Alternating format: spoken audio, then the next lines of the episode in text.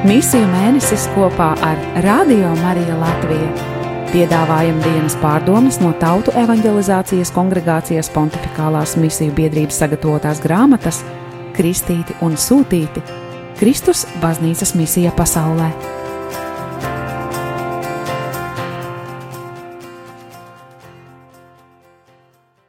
9. oktobris, trešdiena parastā liturģiskā laika 27. nedēļa.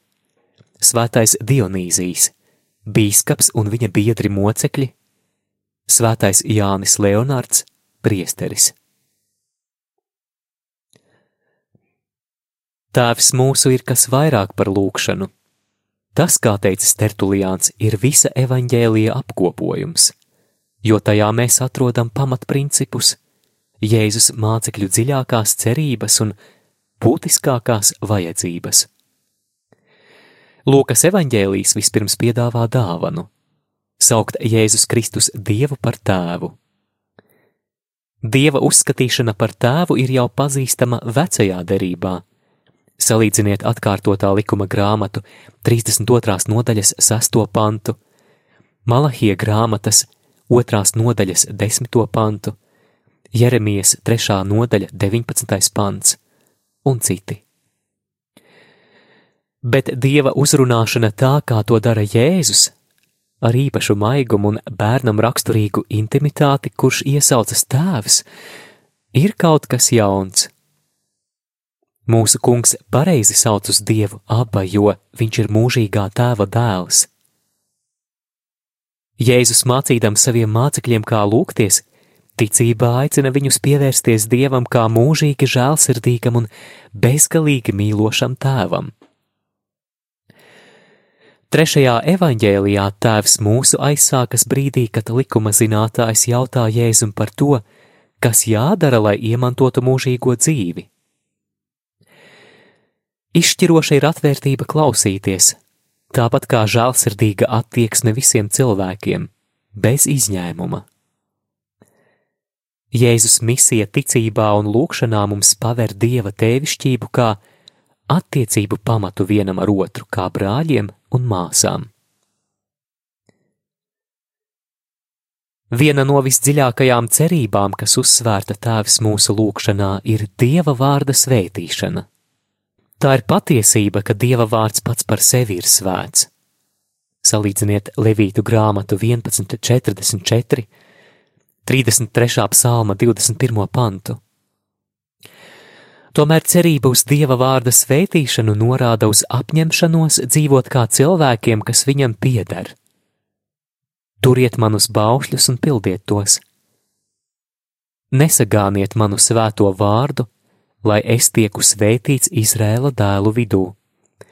Levītu grāmata 22. nodaļa, 31. un 32. pants saskaņā ar vecās derības tradīciju, kurā sakņojas tēvs mūsu lūgšana. Labākais veids, kā dieva vārds var tikt svētīts, ir tāds, ka tie, kas apgalvo, ka ir dieva cilvēki, dzīvo saskaņā ar viņa gribu. Otrs cerības elements, ko piedāvā tēvs mūsu lūgšana, ir valstības atnākšana. Jēzus skaidri pasaka, ka viņa tēva valstība ir klātesoša un arī aktīva vēsturē. Viņš paziņo, ka Dievs ienāk cilvēces vēsturē, lai aizsāktu jaunu laikmetu, kurā neviens nejutīsies viens un kurā mēs varam izveidot taisnīgāku pasauli, mierīgu un brālīgu sabiedrību, kurā cienīts tiek katrs cilvēks. Kad mēs sakām, lai nāk tava valstība, mēs paužam cerību, ka dieva griba īstenosies mūsu vidū kā žēlastība un vienlaikus arī kā pastāvīgs cilvēka brīvības un atbildības uzdevums.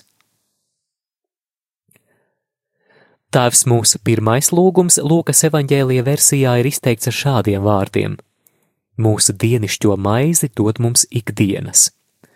Lūkas evaņģēlija 11. nodaļa, 3. pants. Šim lūgumam var būt divas nozīmes.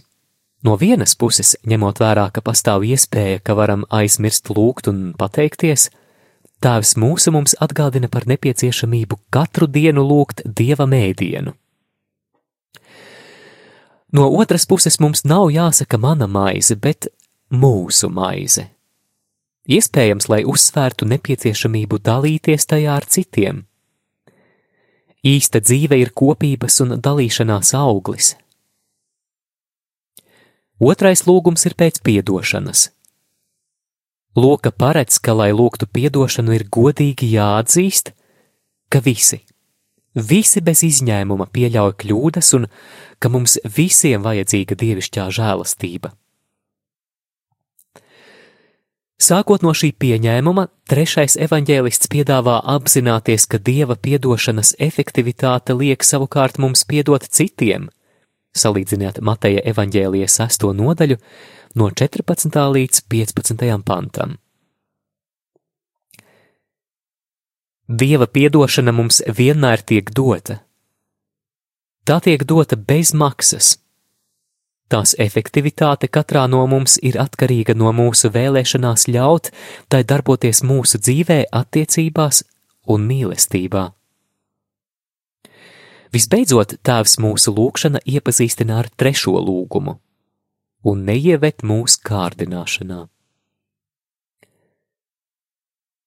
Vispirms mēs atpazinām savu grēcīgumu un tagad mūsu Tēvs palīdz mums augt apziņā par savu trauslumu, vājumu. Mēs nelūdzam Dievu, lai izvairītos no kārdinājumiem, bet gan lai Viņš palīdzētu mums tos pārvarēt. Lūkšana vienmēr ir pieredze attiecībām ar Dievu. Tā ir satikšanās ar Jēzu Kristu svētajā garā. Tēvs mūsu lūkšana, kas ir kā evaņģēlie kopsavilkums – piedāvā mums pamatkritērijus priekš šīs satikšanās un priekš misijas, kas tai seko. Žēlastība vērsties pie Dieva kā pie tēva ļauj mums dzīvot kā māsām un brāļiem. Pienākums svētīt Dieva vārdu, ar viņa žēlastību mūs iesaista valstības veidošanā.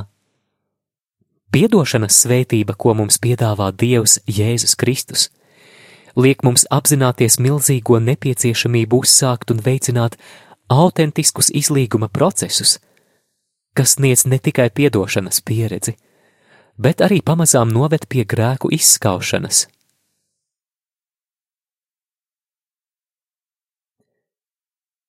Dieva tēvišķums, kas pilnībā atklāts Jēzu Kristu, padara misionāro mācekļu kopienu par īstu ģimeni, pie kuras vārda un evaharistijas galda ik viens tiek aicināts. Jēzus, būdams tēva sūtīts un atgriežoties pie tēva, ar to padara savu misiju par mūsējo. Tā ir viņa baznīcas misija pasaules pestīšanai. Ja tēvišķības pirmsākums meklējams dievā, Tad viņa dēla baznīcā augšām celtā kunga gars caur kristību atjauno visus, kā viena tēva dēlus un meitas. Dieva valstība, ko Jēzus piepildīja savā lieldienu noslēpumā, savu sākumu un sēklu atrod šeit uz zemes savā svēceļnieku baznīcā, kas ir kā universāls pestīšanas sakraments, ko Dievs Tēvs sniedz visiem cilvēkiem.